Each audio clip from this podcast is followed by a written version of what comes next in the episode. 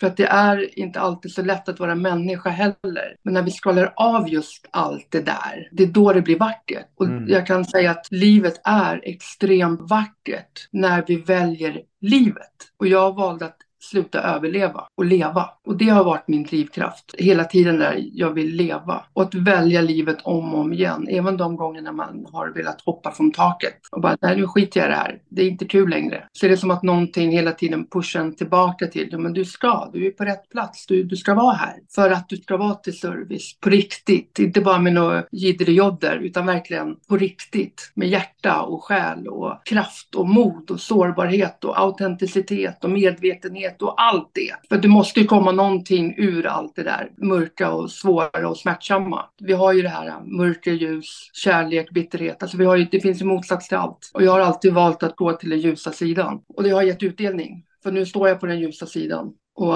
ja, det har varit svårt, ensamt och skitjobbigt. Men att kunna använda allt det till att kunna hjälpa andra och stötta och lyfta och allt det här. Det är ju så himla fint för det ger så himla mycket och då har allt varit, det varit så värt det. Veckans gäst är Veronica Durango som är föreläsare, coach och inspiratör. Och när man läser igenom Veronicas biografi så är det allt annat än solskenshistorier. Det är allt från missbruk, övergrepp, olyckor och hon var till och med med i terroristattacken på Drottninggatan 2017. Och trots detta, eller på grund av detta, så väljer Veronica att se att livet händer inte mot oss, det händer för oss och för vår egen inre evolution för att kunna hjälpa andra människor. Och det är ett väldigt kraftfullt sätt att se på det och det använder hon i sin egen verksamhet för att hjälpa, att lyfta och inspirera andra människor som inte alls mår bra eller känner sig i sin fulla kraft. Att visa att kan hon så kan du. Och det blir väldigt djuplodande samtal idag, filosofiskt och där vi delar och pratar kring hennes liv. Och jag är väldigt glad över att få haft detta samtalet med Veronica. Och innan vi drar igång med det här avsnittet med Veronica vill jag bara påminna om vårt samarbete med pureness.se. Använd koden PLC-podden med 2D för att få 20% rabatt på hela ditt köp av deras sortiment som kan hjälpa dig att optimera och förbättra din hälsa. Alltså koden PLC-podden med 2D för att få 20% rabatt på hela ditt köp på pureness.se. Nu kör vi igång med detta avsnittet. Hej och välkommen tillbaka till PLC-podden, podden som förändrar Sveriges syn på hälsa med mig Robin Hallsten. Jag är tillbaka med en ny gäst som är för mig ett ganska nytt namn men som det är faktiskt flera följare som har hört av sig om att jag ska ha en konversation med. Så här är hon, Veronica Durango som är föreläsare, coach, inspiratör som håller på med autentiskt mentorskap, medveten coaching och vi kommer dyka lite djupare in i vad allt det här innebär och vem hon är i det här avsnittet tror jag. Varmt välkommen till podden Veronica. Tack Robin, superkul att få vara här. Ja. Jätteroligt att få möta dig också. Ja, ja, det är första gången. Vi har ju bara pratat telefon tidigare så att nu är första gången vi ses, inte på riktigt, men vi ser varandra i alla fall. Det är ju jättefint. Ja, härligt. Det här Och- ska bli jättespännande tycker jag.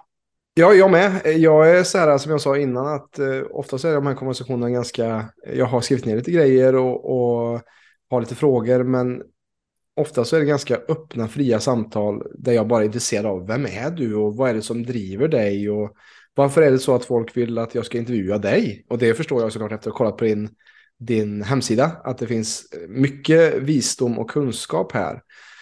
Kan du inte berätta för dem som inte känner till Veronica, vem är du och eh, vad är det du faktiskt gör? Ja, det här, det här är en sån fråga som jag tycker är ganska svår egentligen att svara på. Mm. Jag brukar alltid börja med det här med mitt varför. Mm. Eh, och det, jag tror att vi har alla en, en, en livshistoria eh, som skapar oss utifrån vem vi är ämnade att vara. Och innan vi verkligen kan bli de vi ämnar att vara så vi är ute på en livsresa och lära oss väldigt mycket saker eh, som vi behöver för att vara till service. Och mitt syfte och vem jag är, det är väl det här att, att vara till service i världen mm. på, på det sätt som jag kan. Um, mitt, mitt varför är verkligen det här att uh, läka världen på något sätt. Jag, min största längtan och min största önskan är verkligen att människor ska få känna kärlek och glädje och, och inre frid och få leva det liv de vill leva och inte det livet som är konstruerat att man ska leva. Mm. Och det är ju en ganska svår uppgift i, i många fall. Um, men det är det jag drivs av och det jag älskar att göra och det grundar sig i min egen historia mm. som jag själv har varit i. Mm. Och hur tar det rent sig i praktiskt uttryck? Hur, hur hjälper du människor att hitta den här äh, inre friden att, att leva med på kanske sina egna villkor? Och hur, hur leder du folk i det? Vad, hur ser det ut? Ja, men, alltså, jag tror att vi, vi har alla en, en livshistoria. Och den här livshistorien den har många gånger identifierat oss. Vi identifierar oss med vår historia. Och jag ser det som att det är läror. Vi är ute på en livsresa, vi har en mänsklig upplevelse. Och de som kommer till oss, eller till mig, de vill oftast ha hjälp med många olika delar eftersom att livet är som jag ser det som ett, som ett livshjul eller som en pyramid eller det finns olika namn för det här och det kan vara allt från kärleksrelationer till traumaläkning till karriär och ekonomi eller vad det nu är som är kopplat till en del av att leva livet. Så att, och där är det väldigt mycket om vart du är nu. Och ibland för att ta dig framåt så behöver man ibland blicka bakåt. Så det är väldigt mycket det här äh, fram och tillbaka för, och det är oftast kunden i sig, eller klienten i sig, det är de som gör jobbet. Äh, jag håller mest i handen. Det. Eh, och det är också väldigt mycket kopplat till sinnesträning, vår trosuppfattningar om saker som är programmerade i sinnet. Mm. Eh, det är superkul, jag älskar ju att göra det här och det är fantastiskt kul att se människor när de verkligen de tar sig eh, framåt i sina liv och en del av dem har flyttat till Italien och följer sina drömmar och träffar sin själsfrände eller öppnar det företaget eller det är ett, ett sånt roligt arbete. Mm. Verkligen, I, I love it, det är en passion verkligen. Superkul. Mm. Men jag förstår det, och, men där tänker jag också bakom varje coach, bakom varje person som hjälper andra människor så finns det också en historia till varför man kan hålla space eller ha kapacitet till att hjälpa andra att hitta sin väg. Och när jag läser din hemsida så har du ju varit med om så otroligt mycket svåra saker. Eh, allt från terroristattacken där i, i Stockholm, där du var på Drottninggatan när det hände. Och många andra saker. Och som jag skrev här en fråga, så här, hur, hur, hur, har du kunnat, hur fan har du kunnat hålla uppe livsgnistan när det varit så mycket saker som på pappret har varit tungt, rent objektivt om man kollar på det? Bra fråga tycker jag. Mm. Och det här, jag tycker det är fint att du säger gnistan, för jag kan säga att den här gnistan, eh, den har slocknat så många gånger. Jag har verkligen velat checka ut. Mm. För jag tänkt, alltså det, det, kan ju inte, det har varit ongoing, alltså om man tittar från, från start. Eh, min, min start i livet var ju inte den lättaste heller. Eh, adoption, det här med som du säger rotlöshet och mobbing i skolan och utsatthet och spelmissbruk och ja, hjärnan som lägger av och terrordåd och spel, alltså med allt det här. Och jag, jag har alltid varit en sån här som tänker att det måste finnas ett syfte med det här. Det måste vara så att jag ska använda mig av det här på något sätt. Mm. Um, men hur har jag inte haft en, en uns om ens. Eh, men terrordådet var ju också den här, eh, den här pushen till att okej, okay, nu är du redo. Ehm, och jag tänker att ibland så, det är så lätt för att vi går in i de här eh, vi går in i sorg, vi går in i förtvivlan, vi går in i att allt är tungt och att alla är emot den, att livet är emot den och allt det här. Men när man börjar lägga pussel så på något sätt så kan man någonstans se att allting har, allting har ju hänt precis som det ska. Sen är frågan om vad gör man med allt det där? Och för att verkligen svara på frågan så är det just det. Att det måste finnas ett syfte med det här. Som jag ska använda mig av. För att det är inte alltid så lätt att vara människa heller. Men när vi skalar av just allt det där. Det är då det blir vackert. Och mm. jag kan säga att livet är extremt vackert. När vi väljer livet. Mm. Och jag valde att sluta överleva och leva. Mm. Och det har varit min drivkraft. Hela tiden där jag vill leva. Mm. Eh, och att välja livet om och om igen. Även de gångerna man har velat hoppa från taket. Mm. Och bara, nej nu skiter jag i det här. Det är inte kul längre. Så är det som att någonting hela tiden pushar en tillbaka till, men du ska, du är på rätt plats, du, du ska vara här. För att du ska vara till service, på riktigt. Inte bara med något jidderjodder, utan verkligen på riktigt. Med, med hjärta och själ och kraft och mod och sårbarhet och autenticitet och medvetenhet och allt det. För det måste ju komma någonting ur allt det där mörka och svåra och smärtsamma. Vi har ju det här mörker, ljus, kärlek, bitterhet. Alltså vi har ju, det finns ju motsats till allt. Mm. Och jag har alltid valt att gå till den ljusa sidan. Så, och det har gett utdelning. För nu står jag på den ljusa sidan. Mm. Och ja, det har varit svårt. Ensamt och skitjobbigt. Och, men att kunna använda allt det till att kunna hjälpa andra och, och stötta och lyfta och allt det här. Det är ju så himla fint för det ger så himla mycket och då har allt varit, det varit så värt det. Det tunga har varit värt resultatet av vad man kan göra för andra. Ja, den, alltså den, den tyngden som du har burit på har gjort dig starkare än någonsin. Absolut. Verkligen. Och det är också efter det som jag, jag, mötte, jag, jag mötte min, min, min kärlek här för, för två år sedan, lite drygt. Och hade varit ensam i 16 år. Mm. Och verkligen bjöd in den. Jag, jag kommer ihåg att, att jag sa 2006 när jag verkligen hade mitt första uppvaknande som jag kallar det för. Så sa jag till mig själv att jag kommer inte att gå in i relation förrän jag vet vem jag är som går in i relationen. Och det tog 16 år, så det har varit en ständig läkningsprocess mm. under de här åren. Um, så det var verkligen där 2006, då stod jag med uh, och skulle ta livet av mig helt enkelt. Jag ville inte. Mm. Och då var det, okej okay, nu får du välja. Ska du göra jobbet eller ska du komma tillbaka och göra om det? Mm. Och jag valde att köra det på en gång. Men oj, oj, oj, vad jag har legat och vaggat mig själv och skrikit till något högre än mig själv och bara fasiken, vad är meningen med det här? Ska det vara så här? Men ja, det skulle det. Och det är väl en gåva i sig tycker jag. Absolut, och där är jag nyfiken på vad, vad var det där 2006 som gjorde att du ändå valde att stanna kvar på stanna kvar här för att jobba med dig själv och som nu leder till att du inspirerar andra människor till att hitta sin inre kraft. Vad, vad var det som var den faktorn där som gjorde att du, nej jag måste vara kvar?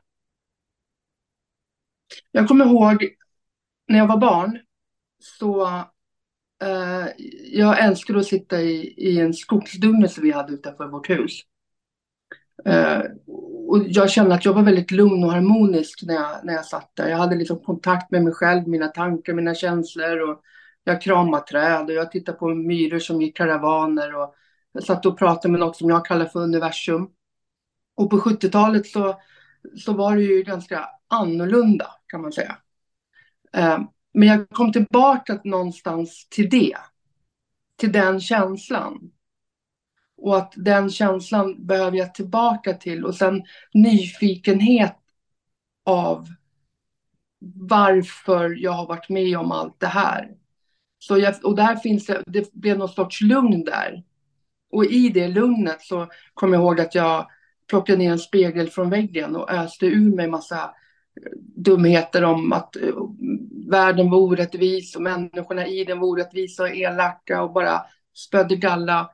Och när jag var klar så tittade jag på den här spegelbilden och och säger att det kan inte vara så att det är fel på alla andra, att Veronica Durango är Guds gåva till mänskligheten.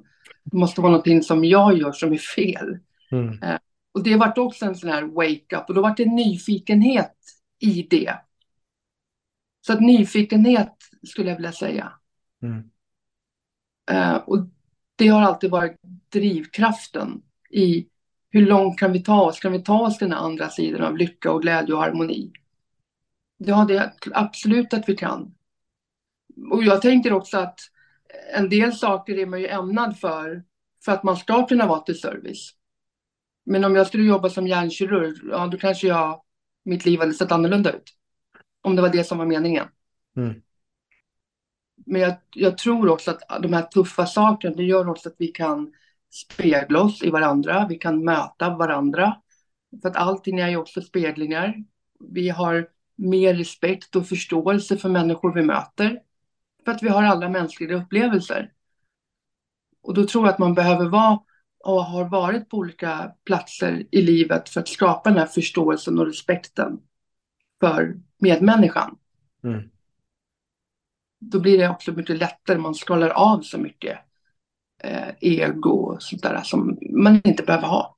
För det tar bara plats och energi i onödan.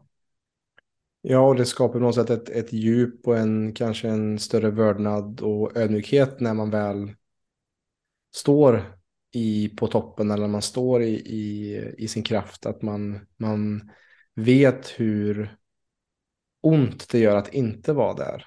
Att det blir ännu vackrare. Att den smärtan gör det ännu vackrare. Att, att kunna stå i sin kraft fullt, helt och fullt när man väl hittat dit tillbaka. Absolut. Och jag tänker ju också här såklart på klart det inte har varit en spikrak resa för dig här från 2006 att du bara kände åh oh, wow nu, nu väljer jag livet här utan vad har varit verktyg, modaliteter, personer, vad är det för kunskap som har lyft dig ut ur den här sörjan, den här geggan av den existentiella krisen eller det mänskliga lidandet? Alltså jag tror att um, det som började för mig det var att uh, jag var ju där 2006 och sen så, Eh, jag kommer ihåg när jag satt, jag satt faktiskt på, på, på Sergels torgs trappa eh, 2006. Så jag hade, jag hade, precis, jag hade separerat, jag, hade, jag var, var spelmissbrukare på den tiden, jag hade 300 000 i skulder och 11 betalningsanmärkningar. Och det är inte sådär jättelätt och sen hade jag precis blivit av med mitt arbete. Så att, man är väldigt, väldigt avskalad när du sitter i en sån situation. Och då var det som att jag fick någon sorts eh, information eller min intuition eller mitt högre jag eller kalla det vad du vill, som på något sätt ledde mig tillbaka till start. Att jag behöver tillbaka till början av mitt liv för att förstå det. Och, och där handlar det om min adoption. Att eh, gå tillbaka till mina rötter och förstå vad det handlade om. Eh, för jag förstår att i mitt liv så handlar det väldigt mycket om att jag hade alltid känt mig förskjuten på grund av min adoption. Eh, och sen växte jag också upp med alkohol och tabletter och psykisk misshandel och sånt när jag var barn. Så det har varit väldigt mycket sådana saker som jag behövde få svar på. Ehm, och det var det som var avgörande också. För att jag fick svar på att det var inte riktigt som jag hade fått höra eller som jag hade trott. Ehm, jag började söka på, på nätet. Jag googlade som en dåre. Jag hittade Tony Robbins bland annat. Jag började med sinnesträning. Eh, jag lyssnade jättemycket på Joe Dispenza.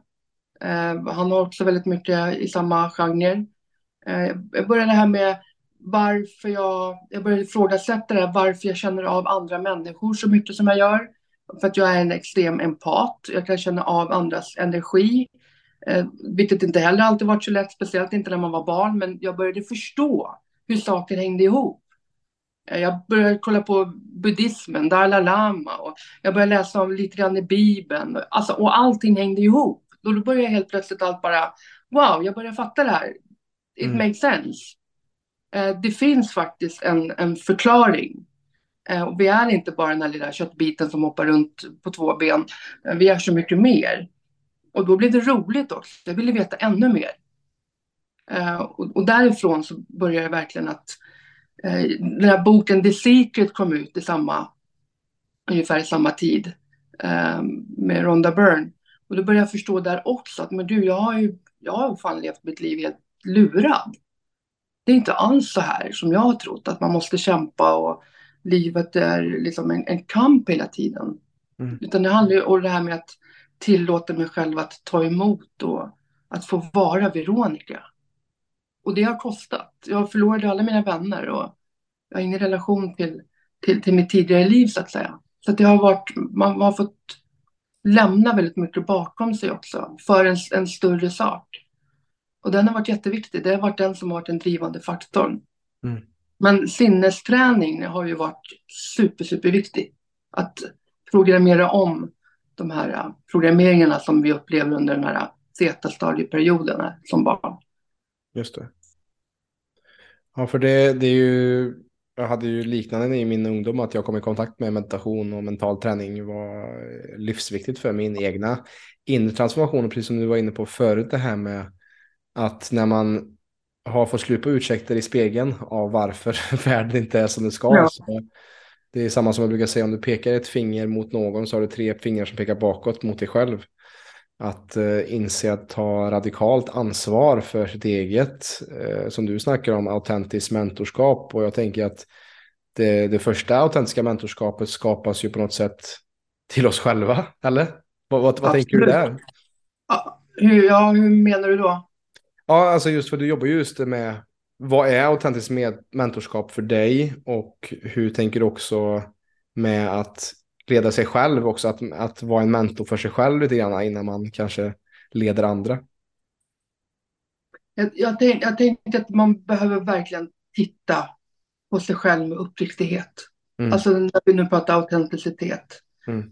Med, med verkligen äkthet. Och jag, jag tänker många gånger, speciellt om man har haft, det är väldigt men det märker jag väldigt mycket i mitt, i mitt arbete, att många lever verkligen med den här maskulina energin av kontroll. Vi ska framåt. Mm. Och jag ska skapa ditten och datten. Och någonstans där så kommer man också till någon sorts insikt av att vi har, också, vi har inte bara det här att vi måste leverera, vi har också det här att vi kan ta emot. Så det är ju lite balans i det där. Och, och den tror jag att jag verkligen har jobbat väldigt, väldigt mycket med. För jag började också ställa mig själv frågor. Och det här är ett jättebra tips, det här med journaling. Mm. Att verkligen skriva journal varje dag. Mm. Så att man har koll på vad det är som, vad som händer och pågår. Mm. Eh, och ha den här självmedvetenheten. Och jag tror att det har varit sk mycket skam, ska jag säga jättemycket skam hos mig. En del brukar fråga varför det har tagit så lång tid för mig att göra jobbet jag gör. Därför att jag har varit så skamfylld. Att, uh, att ha varit med om de här sakerna tidigare. Att man har varit utsatt för övergrepp och mobbad hela tiden i skolan. Och att, att man är, kanske går lite utanför normen och varit spelmissbruk och inga... Det är skam och skuld. Men uppgiften i sig är så mycket större än skammen. Och då har vi liksom bara sårbarheten kvar. Och det är ju kraft i att vara sårbar. Mm. Och det är den som jag tror också, när, när, när den får, får tala lite mer, den autentiska sårbarheten, då finns det bara kärlek kvar i det också. Så det finns nästan en nivå hela tiden. Om du förstår hur jag tänker. Ja, ja absolut. Och jag tänker också utan de här äh, livshändelserna som folk kanske skulle kunna hänga upp sitt liv på att mitt liv är en tragedi Eh, så har du ju på något sätt skrivit om den historien om dig själv och använder det som verktyg och som jag ser det väl kan tänka att det är en av dina styrkor då, att du kan möta folk som har varit där du är för att du har varit med om sådana saker som varit utmanande vilket gör att du vet exakt hur det är att sitta med 300 000 i skuld. Du vet exakt hur det är att eh, prata om att inte känna sig hemma.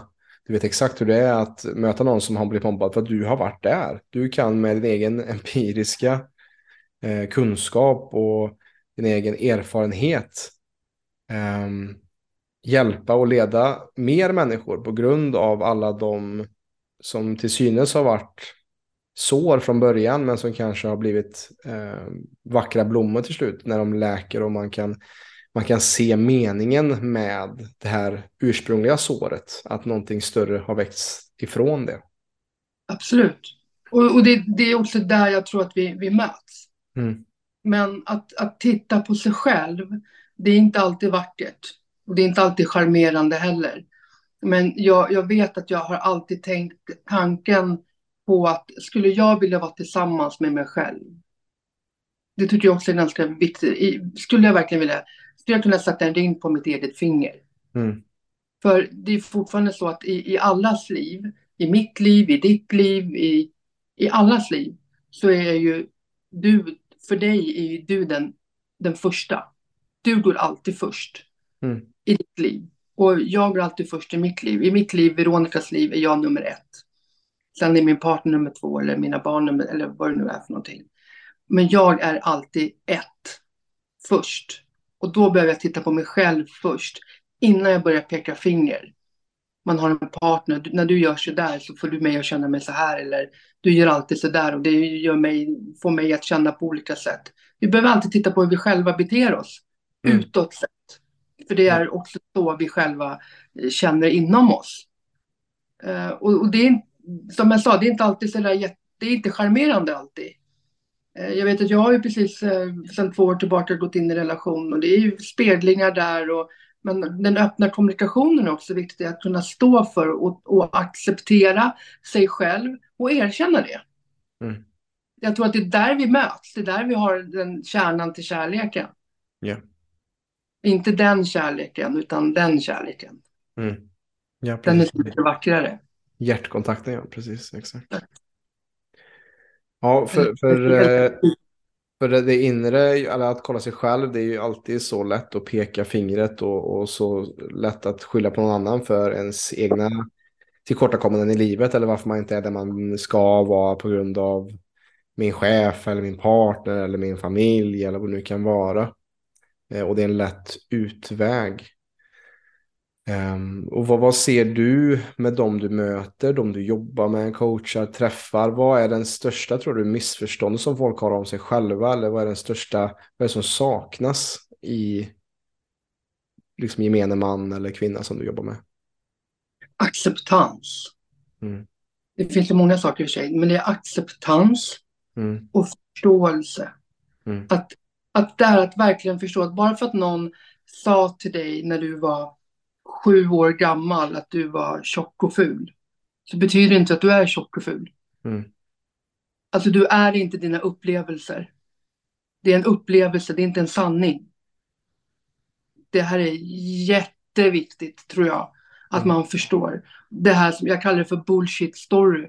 Men hur länge ska du gå och ljuga för dig själv och tro på någonting som någon annan där ute har talat om för dig att det ska vara så eller att det är så. Det finns alltid en anledning till varför. Mm. Eh, och när vi börjar förstå det här, det här med att verkligen acceptera att det kanske inte var så där. Eller jag kanske går med, med en tro som inte var sann. Eh, och jag, jag brukar använda ett, ett, ett, exempel på hur lätt det också är att bli programmerad. Till att till exempel bli en prestationsorienterad person. Eh, jag brukar använda den här eh, bullarna med, med, med två systrar som ska baka bullar till pappa kommer hem och de är så här eh, superenergiska och jättestolta över sig själva att de har bakat de här bullarna. Och så kommer pappa hem och så tar pappa Lisas bull och så säger pappa så ja men Lisa, wow vilken fin färg. Och de var saftiga och goda och Lisa blir jätteglad.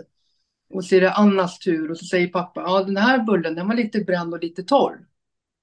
Och i en sån här situation så kan Anna bli väldigt ledsen. Och det kan bli en tävling här emellan. Mm. Man följer med resten av livet på grund av en sån enkel situation. Mm. Pappa kanske inte alls menar någonting med det här. Och det här har dessutom hänt. Det här är kund till mig. Så det har hänt. Eh, och jag får berätta om det. Det är därför jag får använda mm. exemplaret. Att hur lätt det är för oss att, att skapa en trosuppfattning som inte är sann. Mm. Och sen sitter vi där 30 år senare och har totalt förlorat oss själva. för att vi kontrollerar. Det kommer alltid vara någon som trycker någonting i sidan på en om någon är lite, lite bättre. Så att man har förlorat sig själv och man sitter där när man är 30 år och kommer underfull med att den där som jag var för sju, när jag var sju år, jag är ju fortfarande den personen. För själen är fortfarande densamma. Vi har bara vuxit i ålder och i storlek möjligtvis. Till mm. höjden. Mm. Är du med hur jag tänker? Och jag tror att det är superviktigt att acceptera att vi är inte de vi tror att vi är. Mm. Det är väldigt mycket lager från andra, från samhället, från föräldrar, morföräldrar, farföräldrar, vänner, kollegor, chefer. Jag tror också att det är därför vi är där, där vi är just nu. Det är ett mm. enormt uppvaknande mm. på människor. Ja, för det, de här trosystemen och tankesättet är ett av de sex grundprinciperna som vi jobbar med i PLC. Eh, som är så otroligt viktigt att kolla på. För att det ser jag en drivande faktor till varför folk går in i utbrändheter eller utmattning. är för att man, man har som säger en skev eh, självuppfattning om sig själv. Eller man tror inte att man är tillräcklig. Eller man kanske går in i att tillfredsställa andra för sig själv. Man är en duktig flicka eller pojke.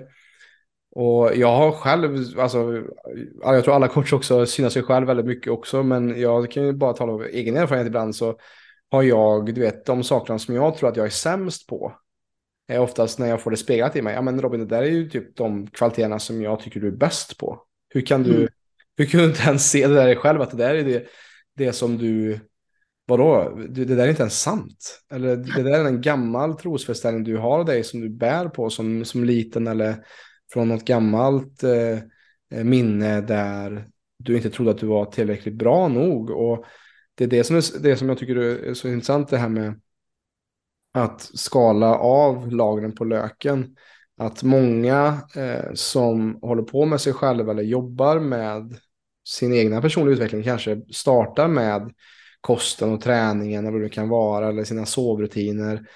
Eh, och man, man kanske angriper från ett externt plats Istället för att, och då kanske, då drivs kanske ditt sentiment av den här trosföreställningen som är helt skev och som är helt fel. Vilket gör att allt du gör utanför den, det lagret, då blir det bara värre och värre och mer ur balans. Att vi skapar någonting, ett ännu större monster än vad vi, att vi skapar mer nytta än eller mer, inte mer nytta utan tvärtom, eh, mer problem än nytta när vi eh, jobbar med oss själva.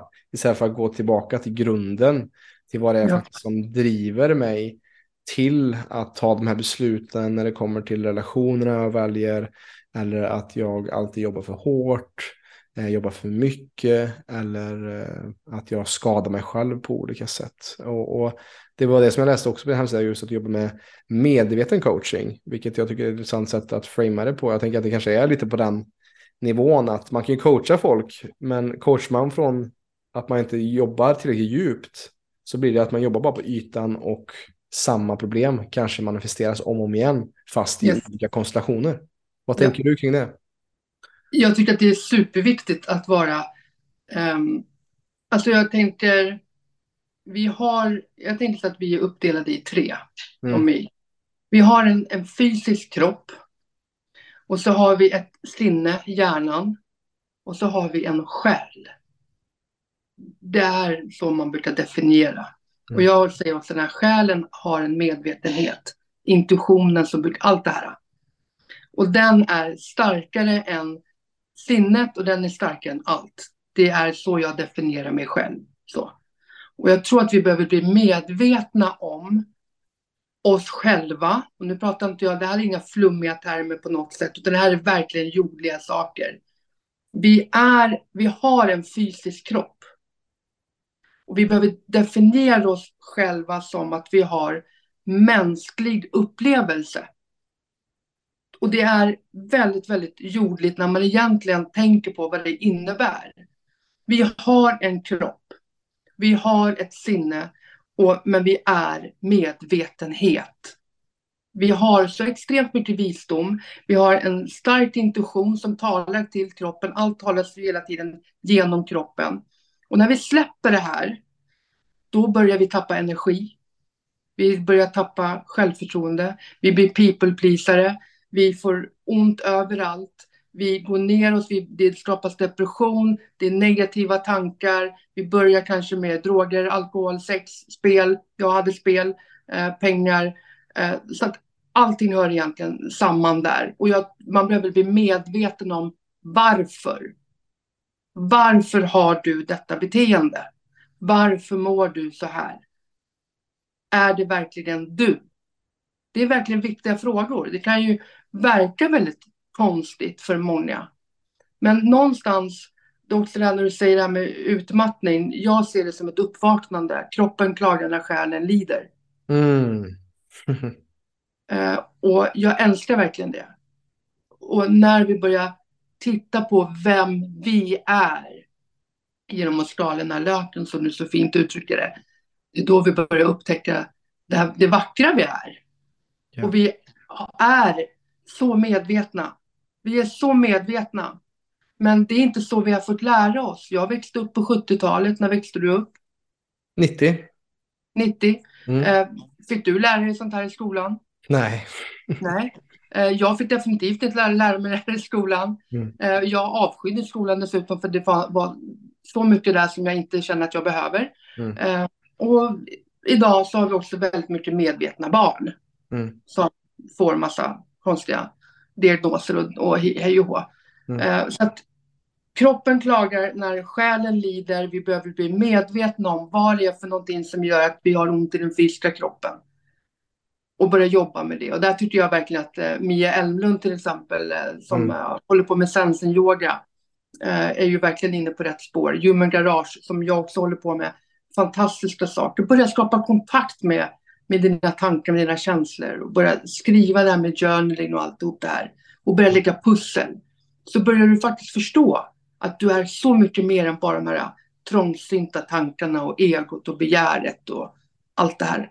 Ja. Som vi har fått lära oss ska vara sant, som inte är sant. Och det är det som jag tror händer nu också. Vi är mm. i den tiden vi lever i. Mm. Man börjar vakna, det är ett uppvaknande. Ja, det, det tycker jag är så intressant också med, med det som du säger också med kring missbruk eller att när vi tappar medvetandet, när vi tappar tråden eller när vi, så, ju mer vi kommer ur, ur balans med vår grund eller vår stabilitet eller vår kontakt med allt som är, vad, hur man, vad man nu vill kalla det, så, så är det så intressant också hur, vare sig det är droger, sex, alkohol, spel som du säger, det är trubbiga sätt att komma tillbaka till en känsla av kontakt. Alltså ja. en, en, form av kärlek eller man känner det här ruset av att vinna en stor vinst eller ruset av att ha sex med en ny människa eller ruset av att ha pengar eller eh, ta en drog. Att det, vi, vi får en falsk känsla av den här uh, djupa kontakten och kärleken. Eh, men ja. det dränerar ju oss. Och det som jag tycker är så intressant med till exempel Johan Hari som har gjort mycket studier eller skrivit böcker om just eh, ehm, beroenden, att just att motsatsen till beroende är inte så, så många tror är abstinens, utan motsatsen till beroende som han säger är kontakt eller sam, samhörighet. Ja. Eh, och att, att hitta kärlek, alltså att det är en, ett sätt för oss att bli av med det här jobbiga. Det är därför kanske folk använder flaskan eller spel, för att man vill, man vill inte känna sig själv. För att det gör för ont som du säger. Det gör för ont i själen att känna sig själv. Och därför går vi till de här sakerna som för stunden lindrar det och vi tar oss från en medvetenhet från vår kropp och själ egentligen. Det är en jättebra aspekt tycker jag. Mm. Och som är jätte, det finns jättemycket sanning i det. Mm. Men det finns också en annan sida av det, tänker jag. Mm. Ja, det att, ja, men jag tänker, eh, varför till exempel, varför blir man beroende av olika saker? Mm. Eh, jag ställer mig själv frågan, eh, varför blev jag just spelberoende? Mm. När spel är kopplat till pengar. Mm. Eh, jag växte upp där det fanns eh, alkohol och tablettmissbruk. Eh, varför valde jag inte det? Mm. Varför var det just pengar? Så när jag började titta på den här biten så då är det ju verkligen tillbaka till, och när man då ska hålla på med, med läkning, när det kommer till mig själv, så är det ju fyra led som jag ska titta på. Jag har ju två mammor och två papper, med tanke på att jag är adopterad. Mm. Och när jag började titta på det här så kan jag säga, för det första så, jag växte upp med, med en förälder som var superdålig på affärer. Uh, och det var bara strul med, med, med, pengar hela tiden. Och man kunde se ibland när, när mamma satt och skulle betala räkningar på sitt håll och klia sig i huvudet och det var bara jobbigt och tungt och liksom pengar var skit. Det var bara jobbigt att få pengar. Det var smärtsamt med pengar och det bara rann genom fingrarna. Det var den, den delen där jag växte upp. Sen tittade jag på den delen där jag kommer ifrån, där jag adopterade ifrån. Det, där var det fattigt. Där mm. var det tjafs om, om pengar och, och, mark mellan min farmor och farfar. Eh, och sådär. Så att då kom pengar igen. Så att jag avskydde pengar. Jag avskytt pengar. Det var det värsta jag visste. Jag hade ingen respekt för pengar. Jag tyckte det var skit, jag tyckte det var ons ondska och de som hade det var elaka och bla, allt det här. Tills jag började verkligen titta på det. Men vad är det här? Vad håller du på med? Veronica, det här är ju det här är inte bra.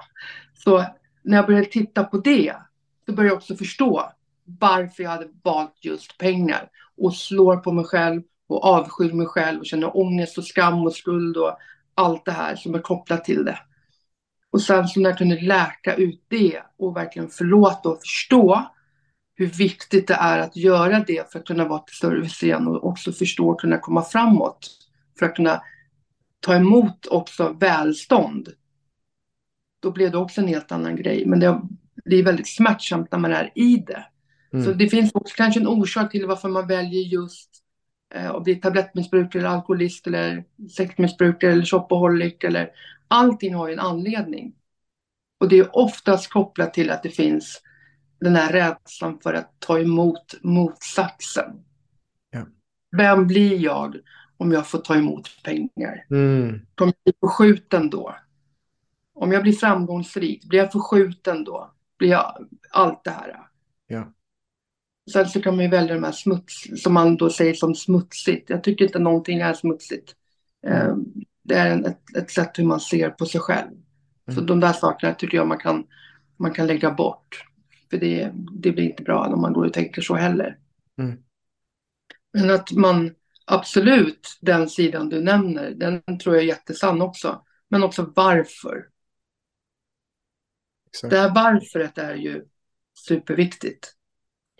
Ja, att rannsaka och se också att allting startar inte med en själv utan att man, vi är också precis, vi är 50% av vår mamma och pappa och det kan finnas saker i våra släktled som vi inte ens är medvetna om när vi föds eller när vi är vuxna. Att oj, det är därför, till exempel det här som snackar med pengar och värde, att det fanns aldrig nog och eh, man kanske såg ner på de som hade pengar för att det var inte de själva och så vidare. Att det fanns en avundsjuka kanske. Alltså, det är jätteintressant det där. Och som jag ser idag så, så ser jag inte ett yns av den här spelmissbrukare Veronica. Och där är jag intresserad. Vad, vad, vad, är det som du tror gör att...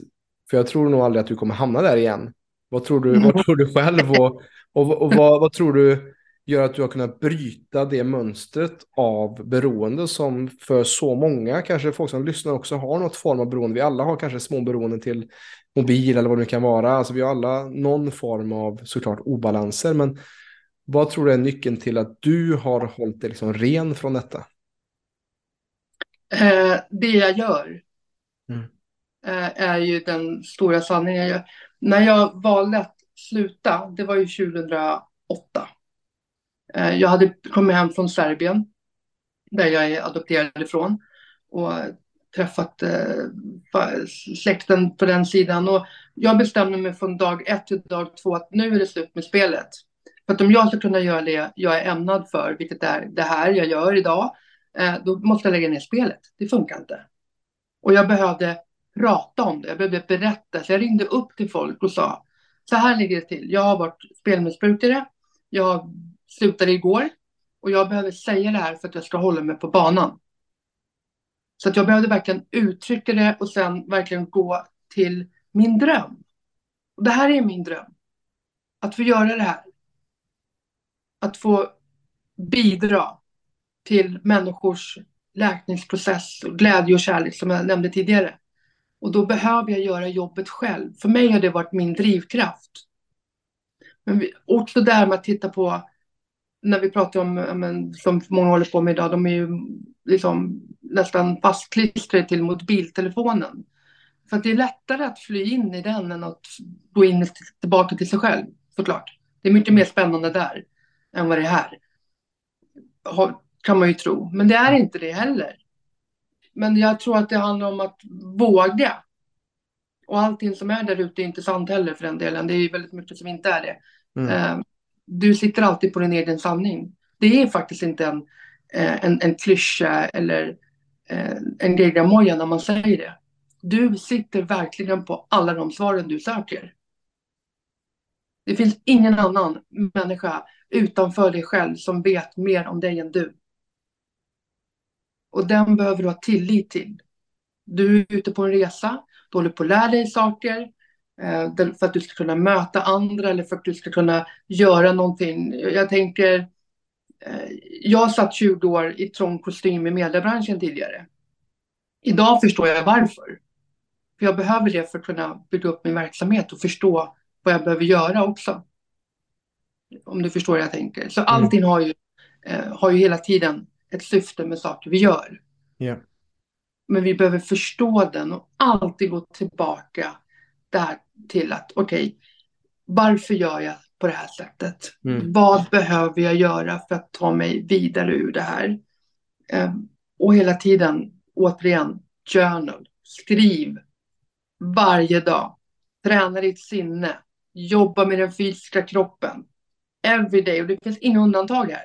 Det är inte mm. för att din kropp ska vara snygg. Du är snygg, du har det där skalet. This is Veronica. Jag kommer inte att bli blondare bara för att jag vill. Jag kommer inte att bli 10 decimeter längre bara för att jag är för kort. Det bara är så. Jag är brunögd. Jag har en fläck på kinden. Det är så här jag ser ut. Det här är min kostym. Men jag tror inte att när man ser i ögonen så finns det någonting annat. Och då spelar inte den där kostymen så jäkla stor roll. Mm. Så jag återkommer igen till acceptansen. Ja. Acceptera dig för vem du är. Inte för vem du vill att andra ska tycka att du ska vara. För att du är perfekt. När allt kommer omkring så är du perfect. Mm. Och du är kärlek och du är ljus. Allt det där andra som du har degat på dig, det är inte vem du är. Det är en tro som du lever efter. Det är inte en sanning. Hur känner du då, Robin? Ja, men jag känner mig lite eh, mållös. På så fint. Va? Ja, ja, men det känns så fint det du säger. Alltså, att jag är nästan att jag inte har ord till att svara på det. Utan det är ju exakt så. Jag tänker att, att vi alla föds liksom fria in i världen och sen så läggs samhällets liksom, normer eller andras värderingar på oss, hur vi borde vara, hur vi borde se ut och som jag ser också med det jobbet jag gör på PLC när det kommer till coachingen är också så här att nyfiket hjälpa människor att hitta tillbaka till sin egen kraft. Vissa kanske har råd kring hur vi tar hand om just som säger den fysiska kroppen och ge lite tips och tricks men eh, det viktigaste är att, att inse det att eh, den enda sanna ledarskapet du kan söka är ju den hos dig själv. Att ta tillbaka sin egen inre auktoritet att kultivera den och ta fullt ansvar. Och, och, på som du säger, att ha olika sätt att göra sig ansvarig. Som du säger, hör av dig till någon att jag vill förändras, det här är min dröm. Eh, skriva ner det du vill få gjort och att också ta hand om den fysiska kroppen också är tre otroligt viktiga pusselbitar som du har delgett som du använder dig av och har gjort för att ta dig dit du är idag. Um, Men sen också det här mm. som jag, jag, jag, jag, tror att det här är jätte, jätteviktigt och det här är någonting som jag verkligen tjatar om. Mm. Att om, om vi tänker oss att vi har vårt, vår hjärna till exempel. I vår hjärna kan ju vi programmera in precis vad fasiken som helst. Vi kan ju få oss själva att tro på precis vad som helst. Ja. Och när vi också förstår att vi kan förändra vårt eget tankemönster. Det tar ungefär, studier säger att det tar ungefär 21 dagar och programmera in en ny vana. Mm. Uh, så att alltid jobba och med att förstå att hjärnan, det är ungefär som programvaran på mobiltelefon. Du kan stoppa in vad du vill, du kan plocka ut egentligen vad du vill, egentligen. Av, av, av uppfattning. Vi har en mobiltelefon som har ett skal, men för att den här mobilen ska fungera så har vi en programvara. Och den programvaran i mobilen är våra hjärnor. Vi behöver uppdatera mobilen ibland. Mm. Och är det så att vi vill ha det nyaste av det, då får vi köpa en ny. Mm. När det kommer till den fysiska kroppen, till människokroppen, så har vi hjärnan, sinnet. Det här kan man ju forska om hur mycket som helst och det är så intressant. Vi kan plocka in och ut precis vad som helst.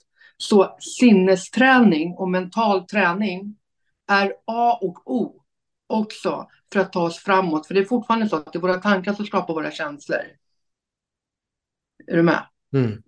Så det är inte alltid så att det vi tänker är sant. Nej. Eller för att vi har en känsla av någonting, att, att det är en sanning.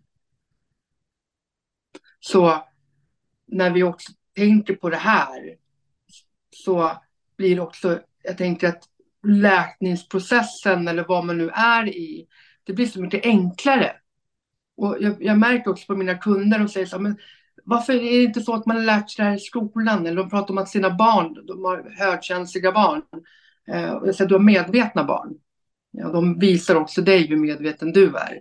Det är därför du också har, har, fått det här barnet till dig, för att du också ska lära dig väldigt mycket saker. Och folk börjar förstå det här mer och mer. Och jag tycker att det är, det är så himla vackert och jag gråter nästan varje dag eh, när jag får höra det här.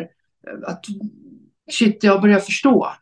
Jag börjar förstå att jag är inte bara utmattad, utan det är att min kropp resetar. Exakt, din kropp resetar. Du börjar vakna till att det är någonting annat ja. du ska göra. Det innebär inte att du ska tillbaka kanske, du jobbar på banken och ska du tillbaka till banken varenda gång. Du kanske är klar med banken, du kanske ska göra någonting annat. Mm. Du resetar dig själv, men då behöver du också vila. Du tappar energi för att du är på en plats, i en relation, på en arbetsplats eller var du nu är, där du inte ska vara. Så du tröttar ut dig själv. Du behöver vidare till, till det du är ämnad för. Och det är den enda som vet det är du. Mm. Och sen är jag där för att hjälpa till. Ja, exakt. Men det är fortfarande du som tar dig till den platsen. Det är inte jag eller du eller någon annan. Det är du själv. Mm. Ja, och där ser jag också som är så viktigt att eh, Eh, jag tror att det är en stor grund som jag ser när det kommer till alla former av utmattningar och utbrändheter som du säger kan vara ett uppvaknande och att det är livets sätt att säga att du är på fel plats eller du du, du skiner inte det just som du borde göra. Eller du, du är inte på exakt den platsen som ger dig optimalt med energi. Och där ser jag bland det viktigaste man kan ge sig själv som en gåva i en sån process är just det här att reflektera genom att skriva, att ta tid för tystnad framför allt, att lyssna på, att komma i kontakt med den här inre intelligensen som du är inne på som alltid finns inom oss ifall vi vill lyssna på det. Men, men vi har så mycket brus idag att det är väldigt svårt att komma i kontakt med det, att bryta igenom det bruset som vi ständigt eh, har och ibland flyr från just. Att vi flyr in i bruset, in i mobilen, in i sociala medier till exempel. Eh, och att vi inte har nog med tid att lyssna på vad den här lilla inre rösten säger som är otroligt stark om vi ja. låter den att få plats, ta plats. Ja. Robin, mm. vill du göra en liten övning med mig? Absolut. För att verkligen, jag tänkte, vi, vi provar det här. Då. Ja, absolut. Hur, hur, hur det landar ja. i dig. Ja, ja. ja. Mm. Om du tänker så att du... Ska jag blunda? Sitter, absolut, gör ja, gärna det. Blunda. Ja. Och sen så ser du till att du sitter stadigt med fötterna i golvet så att du verkligen är jordad och är i kroppen. Och så gnuggar du dina händer mot varandra. Sätter, trycker till med vänster tumme i höger handflata. Och så likadant på den andra. Så. Bra. Och så sätter du upp händerna rätt upp, ungefär i bröstläge med handflatorna upp. Och så tänker du att du går som en ljus energi genom huvudet, ner genom kroppen, ut genom fötterna och sen upp igen. Och så gör du samma sak två gånger till. Ner genom huvudet, genom kroppen, Andas genom näsan, djupa andetag. Ner genom fötterna, upp igen. Bra. Nu så sätter du upp dina händer så att de möter varandra med ungefär tre decimeters mellanrum. Mittemot, låt dem möta varandra. Stopp. Höj dem lite. Och så sätter du in någon emellan dina händer som du älskar. Se ansiktsformen, färgen, leendet, ögonen. Känn känslan av att oj vad jag älskar dig. Har du personen där? Mm. Sätt in en till. Pappa, mamma, syster, bror, vänner. Slappna av i kroppen. Stoppa in alla du älskar. Känner du vad som händer här? Mm. Plocka in alla dina bästa kompisen, skolkompisen, all, alla som du bara älskar och bara wow, in här. Ser du vad som händer med dina händer? Du kan titta igen. Dina händer, de breddade sig lite. Mm, mm. Kände du det? Mm. Om vi gör en sån här enkel övning bara och förstå att när vi plockar in människor vi älskar i våra liv, oavsett om det är människor vi har i våra liv, som har varit i våra liv, så är vi ju väldigt mycket kärlek och medvetenhet. Mm. Eller hur? Mm. Vi behöver få kontakt med den här kärleken. Och då behöver vi också skala av allt det här andra som inte är vi. Ja. Och när vi gör det så tror jag att vi är på en väldigt, väldigt bra väg i livet. Jag, menar, jag jobbar också med mig själv varje dag. Jag, jag, det måste jag göra, för annars kan jag inte göra det jag gör. Jag faller också ibland och tycker livet är lite träligt ibland. Och så får man titta på det och så fortsätter man framåt igen. Men, och det är också det är jätteviktigt, men att verkligen det här med att ner i din kropp. Lyssna på din kropp som du säger. Stäng av bruset. Och det gör du ganska enkelt, bara genom att göra en sån här övning. Mm. Du kan göra det på toaletten på kontoret. Då behöver du inte rikta upp händerna jämnt mot varandra. Då kan du bara lägga dem på hjärtat och göra några djupa andetag. Och bara vara i din kropp. Du kan göra det på toa, i bilen, fast du inte kör samtidigt. Du kan stanna på parkeringsplats. Du kan göra det på tunnelbanan. Du kan göra det var som helst. Du kan kontakt, ta kontakt med dig själv vart som helst. Jag har gjort det en gång när jag var i affären och handlade. Jag ställde mig bakom en hylla och gjorde det här. För att jag var så himla mycket uppe i huvudet. Så vi behöver inte sitta i lotusställning och för att få kontakt med oss själva. Har du somnat Robin? Nej, jag är kvar, men det är, det är otroligt fint. Eh, tack för att du ledde mig in i den eh, övningen. För att, eh, men jag är också, oftast för mig blir också poddandet blir också en form av meditation. Eller det är väldigt sällan man har det här fokuset på en människa utan distraktioner i form av mobil och sånt. Och det här är bara vår tid och sen så att ha en, ännu en övning som hjälper till att, att connecta ännu djupare. Eh, var intressant att, eh, för, för, för mig är poddande mycket handlar om närvaro. Hur kan jag vara närvarande i stunden och lyssna in och känna in och se vilken fråga som är kommer vara intressant här eller så för att kunna leda till en till en djupare konversation och ett djupare djup mellan oss två som pratar. Och Eh, jag kände jättemycket kärlek eh, genom att bara göra den här övningen. Det var fantastiskt att, att komma djupare in i den känslan som jag redan var i av att prata med dig. För jag kan verkligen känna det mellan oss. Även fast vi sitter över Zoom så kan jag känna just den här formen av kontakt som skapas när man har ett, ett öppet hjärtligt möte. Man pratar om livet och där man delar från en plats av sin sanning, autenticitet.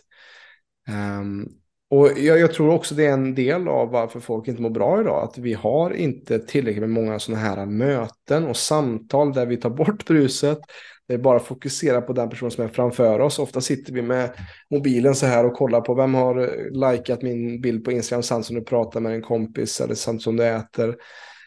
Um, och det är så uh, otroligt unikt idag att ha samtal där man pratar om livet, där man pratar om livets utmaningar och som du säger, ditt liv är inte perfekt, mitt liv är inte perfekt bara för att jag eh, har en podd som vill förändra Sveriges syn på hälsa så har det mycket med att jag vill förändra min egen syn på min egen hälsa eller hur jag kan ta hand om mig själv ännu bättre och hjälpa människor till mer frihet och kunskap om sin Och det är det som är så, det är, det som är så fantastiskt också tycker jag. Mm. Att för att vi ska kunna göra det vi gör så behöver vi verkligen utgå från oss själva.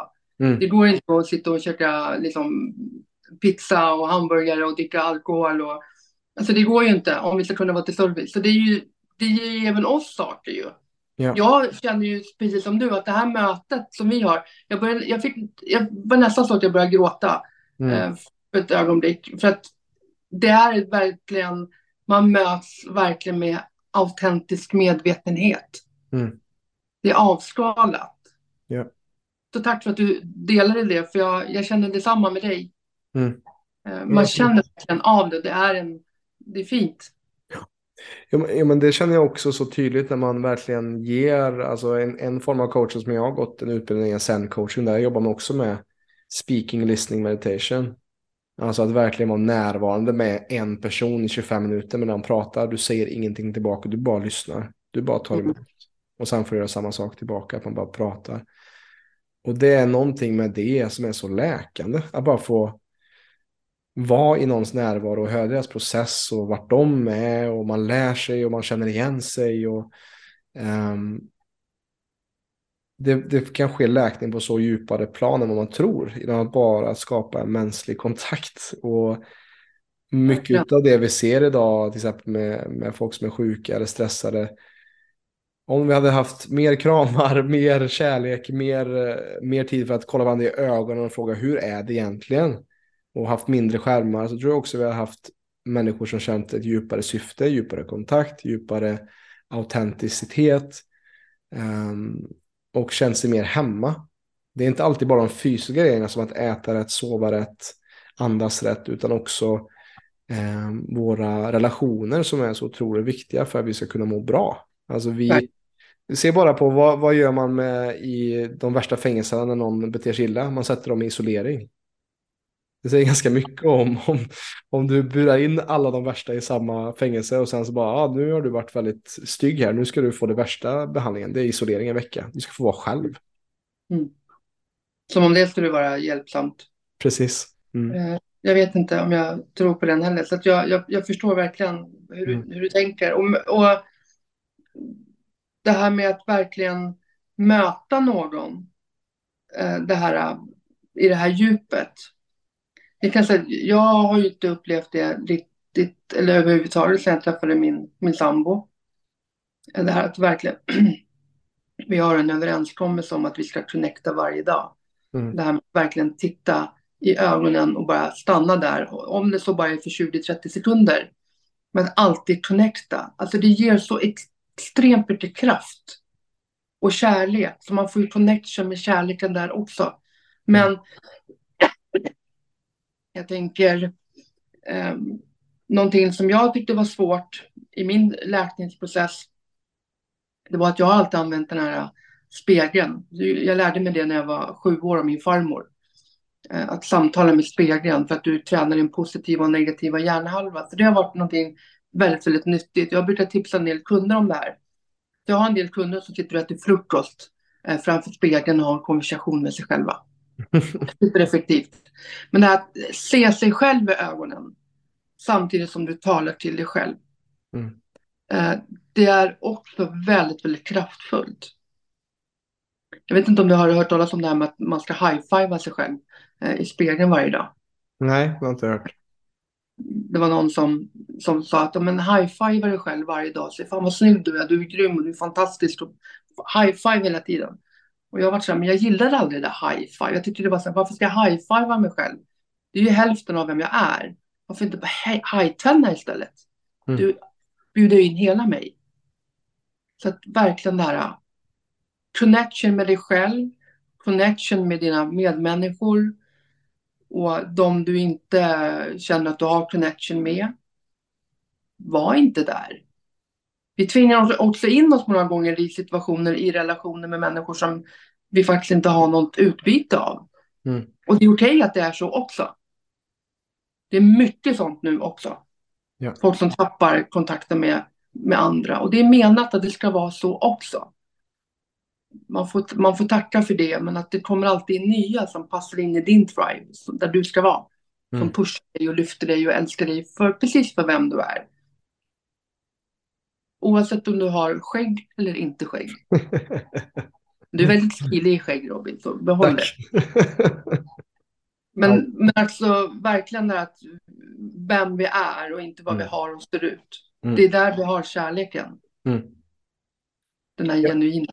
Ja, och där känner jag igen mig när du sa också när du, när du valde att eh, liksom byta riktning i livet där, att du tappade bort mycket gamla kontakter eller vänner och det kan jag också känna att jag har. Man, har, man, man går igenom olika stadier och känns som att i samma liv så har jag le- levt flera olika livstider eller jag har haft olika identiteter. Och när man är redo att släppa en identitet så blir det ofta så att man får släppa på människor som tillhör den gamla identiteten. Ja, det betyder inte att de inte kommer betyda mindre för en, men att de, man ger plats för nytt att komma in helt enkelt. Och, och det behöver inte vara något fel i det, men det kan vara jättetufft. Jag vet själv hur tufft det har varit när jag har utvecklats till någonting annat än vad jag har varit. Och där jag har känt mig otroligt ensam. Men det är också lite det här ehm, som Joseph Campbell snack, snackar om i Hjältens resa. Att lite som, du vet alla stora epos eh, som vi tycker om i, när det kommer till Harry Potter eller Sagan om ringen så är det alltid hjälten som ger sig ut i det okända. Lite på egen hand och inte har så mycket. De läm lämnar, det lämnar det kända för att utmana sig själv, komma utanför kom- komfortzon för att komma tillbaka med elixiret som kan hjälpa deras, deras stam eller deras, eh, deras kultur eller deras eh, familj, vad det nu kan vara. Mm. Och det är oftast en del i uppvaknandet att det sker en form av eh, distansering till det man tidigare kände till så bra. Ja. Men jag, jag tror också att, att eh, och jag förstår verkligen vad du säger det här med, det här med att man känner sig ensam. För det är, det är fruktansvärt ensamt när man väljer sig själv. Och det är också kopplat till många andra saker. Att, ehm, ibland så, jag kommer ihåg när jag gjorde det här, jag satt och tittade på min telefon och undrade om den var på överhuvudtaget, för den var tvärdöd. Mm. Eh, och det är så ensamt så att det nästan gör ont. I fysiskt ont. Eh, du har ingen som du kan vända dig till och du har liksom ingen som, som finns där som håller dig eller kramar dig. Eller, och det är sjukt smärtsamt, verkligen. Men också det här igen att hela tiden välja livet. För jag menar, jag tänker på, på där du kommer ifrån och där du har varit. Du hade inte kunnat göra det du gör nu heller utan det. Ja. Eller hur? Ja. Och då blir det också den här med, med själ och hjärta och inte med, med sinnet. Mm. Och då har vi också de här fina mötena som du och jag har just nu. Precis. Som jag tycker är ett jättefint möte. Ja, ja men det, det, det är ju det som jag eh, offrade för att kunna leva det livet jag gör idag var att jag offrade en form av, jag tyckte att jag levde ett ytligare liv förr kan man säga. Där Mm. det var mer fokus på, eh, ja men alltså jag jobbade ett 9 till 5 jobb som, eller mer än så, jag jobbade nästan heltidsjobb på familjeföretag och eh, det var ett, ett bra jobb, men det var inte det jag skulle vara. Och det, och det liksom, de vänner jag hade där i den kretsen var folk som ville festa och, och dricka alkohol och jag märkte att det fanns någonting djupare inom mig som ville gå vidare och studera andra saker och, och, och lägga min tid på saker som närde min själ istället för att suga energi från min själ. Ja. Ehm, och eh, där jag var väldigt tryggt. Och jag hade kunnat vara kvar där i den trygga vaggan av det där livet. Men det hade inte närt mig och jag tror att tids nog så hade nog jag fått någon form av smärta utav att vara kvar där. Eh, och bränt mig på grund av det. För att eh, jag tror att vi alltid får meddelanden om förändring när vi inte ska vara på den platsen vi är på. Absolut. Mm. Jag tänker men jag har ju varit, jag har inte varit i något familjeföretag, verkligen inte, men jag gjorde en förflyttning från Stockholm nu, där jag bor nu på västkusten. Mm. Um, och apropå lämna allt det där gamla bakom sig. Det är ju absolut att det är kopplat till rädslor. Det är alltid läskigt för du vet inte vad som väntar. Det är okända är alltid läskigt. Ja, precis. Ja, du har ju ingen kontroll, någon whatsoever. Du mm. vet inte vad, vad som väntar. Du vet bara att känslan, den, den, den, den, är, den skriker så mycket högre mm. än, än kontrollen. Och det blir alltid rätt. Ja. Även om du liksom, jag, jag kommer ihåg, jag menar, jag har bott i Stockholm i 47 år, jag är 49 idag. Och jag kommer ihåg när jag flyttade hit, jag bor på landet, jag bor tre minuter från havet, jag har skog, jag har natur och djur. Och I love it. Jag är verkligen, verkligen, det här är mitt esse. För att jag verkligen ska kunna göra det jag gör. Men att komma från Stockholm där nervsystemet är så, du vet så här. För det låter hela tiden och det är miljontals människor och det är ständigt ongoing. Så jag kommer ihåg att min fysiska kropp, den reagerade jättestarkt i början. Uh, för att den var så van vid att det var en sån ongoing hela tiden. Mm. Det är som när, när man åker på semester kanske, det tar några veckor innan man coolar ner sig. Mm. Men också att du vet inte, du vet inte varför ska jag sitta här nu? När jag har jätter på andra sidan huset här som skriker bä. Vad är syftet med det för mig? Mm. Um, och när det tar sen ett tag, när man har lite tålamod och tillit till att men, jag, jag kanske ska vara här lite grann. Det var skitjobbigt. Den här förändringen, den var jättejobbig. Men mitt hjärta sa att det var här jag skulle vara. För min kärlek är här. Och då vill jag vara här. Och jag förstår ju varför min kärlek är här. Mm. Eh, så att vi kan inte alltid kontrollera sakerna. Nej. Även när det är lite läskigt. Ehm, så finns det alltid en högre mening, tänker jag. Mm. Alltid. Så tillit, verkligen. Alltid behålla tilliten. Även när det sviktar lite. Precis, och, och, som jag ser också ibland så livet är det som du säger det. Om du, om du säger att, som du säger att livet är eh, att saker händer för oss eller mot oss. Båda sakerna är sant beroende på vad du har för trosystem i dig själv, alltså hur, vad, vad du har för program. Men där är också det som du skriver också på din sida, livet kommer alltid hjälpa oss och inte skälpa oss. Yes. Eh, att, eh, att som Tony Robbins säger också, what if life is happening for you, not, not to you.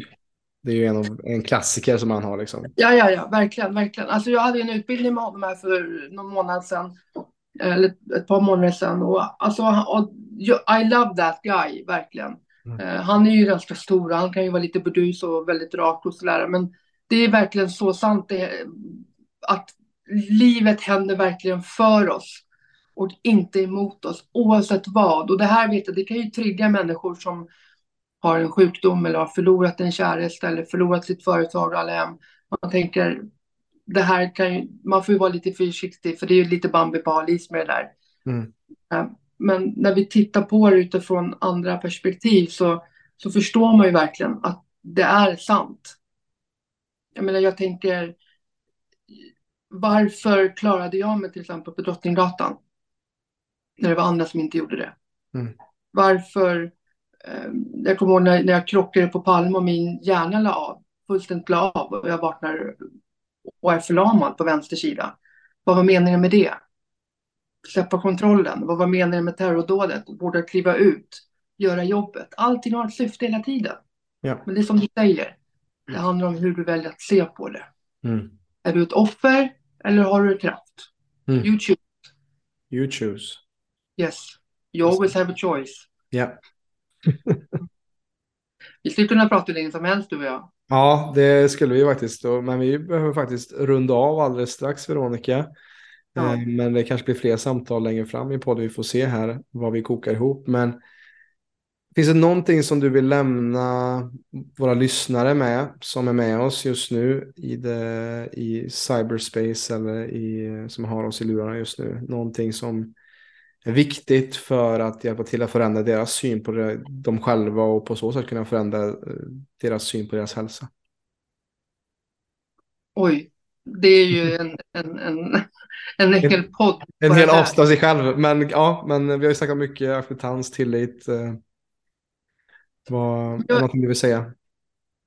Um, det beror lite grann på vart man är, men just nu så är det ju väldigt mycket det här med till exempel med utmattning som jag verkligen vill uh, lyfta fram. Att om vi skulle börja med att tänka på hur vi talar till oss själva och andra uh, så är det väldigt mycket som läker bara där om du till exempel går runt och tror att du hela tiden är utmattad och säger det till dig själv, jag är utmattad, utmattad, utmattad. Du pratar med dina vänner om att du är utmattad, du pratar med dina chefer och kollegor och familjen och alla säger att du är utmattad. Du kommer inte att bli piggare för att du säger det här till dig själv. Men om du däremot säger att du faktiskt är i ett uppvaknande, mm. att du mhm. håller på att vakna inför någonting nytt, du håller på att lämna någonting, du är på väg in någonting nytt, så kommer din energi att komma tillbaka. Ja. Din kreativitet kommer att komma tillbaka. Din, din mentala kraft kommer att komma tillbaka. Du kommer att komma tillbaka med så mycket mer kraft och power. Och det finns ingenting som någonsin hade kunnat hindra dig från att ens tro tanken om att du inte hade ett värde. För du har ett värde. Och alla har ett värde. Och du är värd kärlek och ljus och allt som du önskar. Men du behöver tro. Våga bara tro och ha tillit och acceptans så kommer det gå hur bra som helst. Mm. I believe in it. Ja. Jag gillar det du säger för att det är så otroligt viktigt vad det är man säger efter jag är. Alltid för att vi, vi förstärker också, ju mer vi säger någonting desto mer förstärker vi också våra tankebanor och det här som vi snackar om sinnesträning. Ja. Att eh, jag hade Lars-Erik Unestål här som förändrade mitt liv med hjälp av mental träning. Som han gjorde ju liksom självhypnos och mental träning stort här i Sverige på 60-talet, 70-talet. Och han snackade om just den här U-modellen, att istället för att säga sjukhus, varför kan vi inte byta ut till friskhus? Eller istället för att säga jag är arbetslös, säga att man är arbetssökande som man idag har faktiskt sagt. Så att, ja. Otroligt viktigt, den historien som man berättar om sig själv är så otroligt viktig att veta att varje ord väger tungt. Ja, verkligen. Om, om, det... vi, om vi ser det så. Ja, och, och jag håller helt med. Att mm. det finns så mycket saker som man skulle kunna byta ut. Ja. ja. Eh, som också skulle kunna förändra. Och jag märker det också med, med, med många som jag arbetar med. Att när de brukar säga att men, oj, jag, bara, jag bara bytte ut eller bytte plats på. Och så fick jag en helt annan energi. Mm. Ja, Jo, och det handlar också om träning. Mm. Varje dag, ständig daglig träning. Mm. Mm. Att hålla i det här. Att, ja, men jag, är, jag är frisk. Jag mm. är stark. Jag är fylld av energi. Jag är liksom I am. Och också, jag tänker att uh, det här att vi definierar oss med, med vår trötthet. Uh, försök att avsluta med det. Alltså sluta med det. Mm. Avsluta det snacket med dig själv. Mm. Du behöver kanske bara vila lite. Tänk om du bara skulle kunna sätta dig eller, och bara landa lite. Ja. Bara där får du tillbaka din energi. Ja, exakt. Yes. Tack för Stort tack. idag Robin. Ja, tack Veronica. Eh, och, och, innan vi bara rundar av här, så vart kan folk hitta dig och ditt fantastiska arbete som du gör med människor? Var, var eh, ska man gå? Man kan gå till hemsidan veronikadurango.se Veronica C. Eh, Instagram, samma namn, veronicadrango.se. Facebook, samma namn. LinkedIn, samma namn. Ja. Yeah. veronicadrango.se och ni är supervälkomna. Mm. Jag, håller, jag håller på att och skapa lite nytt också. Uh, så det är jättespännande. Det är väldigt roliga tider just nu tycker jag. Mm. Så det kommer bli superkul. Mm. Härligt, så kolla in hennes hemsida, kolla in henne på alla de olika medierna. Veronica Durango. Stort tack för detta samtalet. Det har varit väldigt hjärtöppnande. Och eh, har det varit intressant för dig som lyssnar För all del, dela med dig av det här samtalet om det har inspirerat dig till när och kär så att vi med stadig rask takt kan förändra Sveriges syn på hälsa. Tack för idag. Stort tack för att du har lyssnat på detta avsnittet av PLC-podden. Om du som lyssnare är intresserad av att få bättre balans på din kropp och hälsa så kan du gå in på www.plclub.se.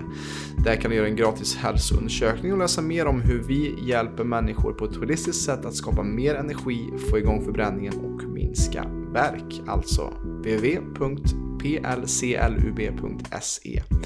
Vi finns även på Instagram, YouTube, Spotify och Facebook at Premium Lifestyle Club om du vill ta del av mer gratis material. Stort tack för din tid här med oss.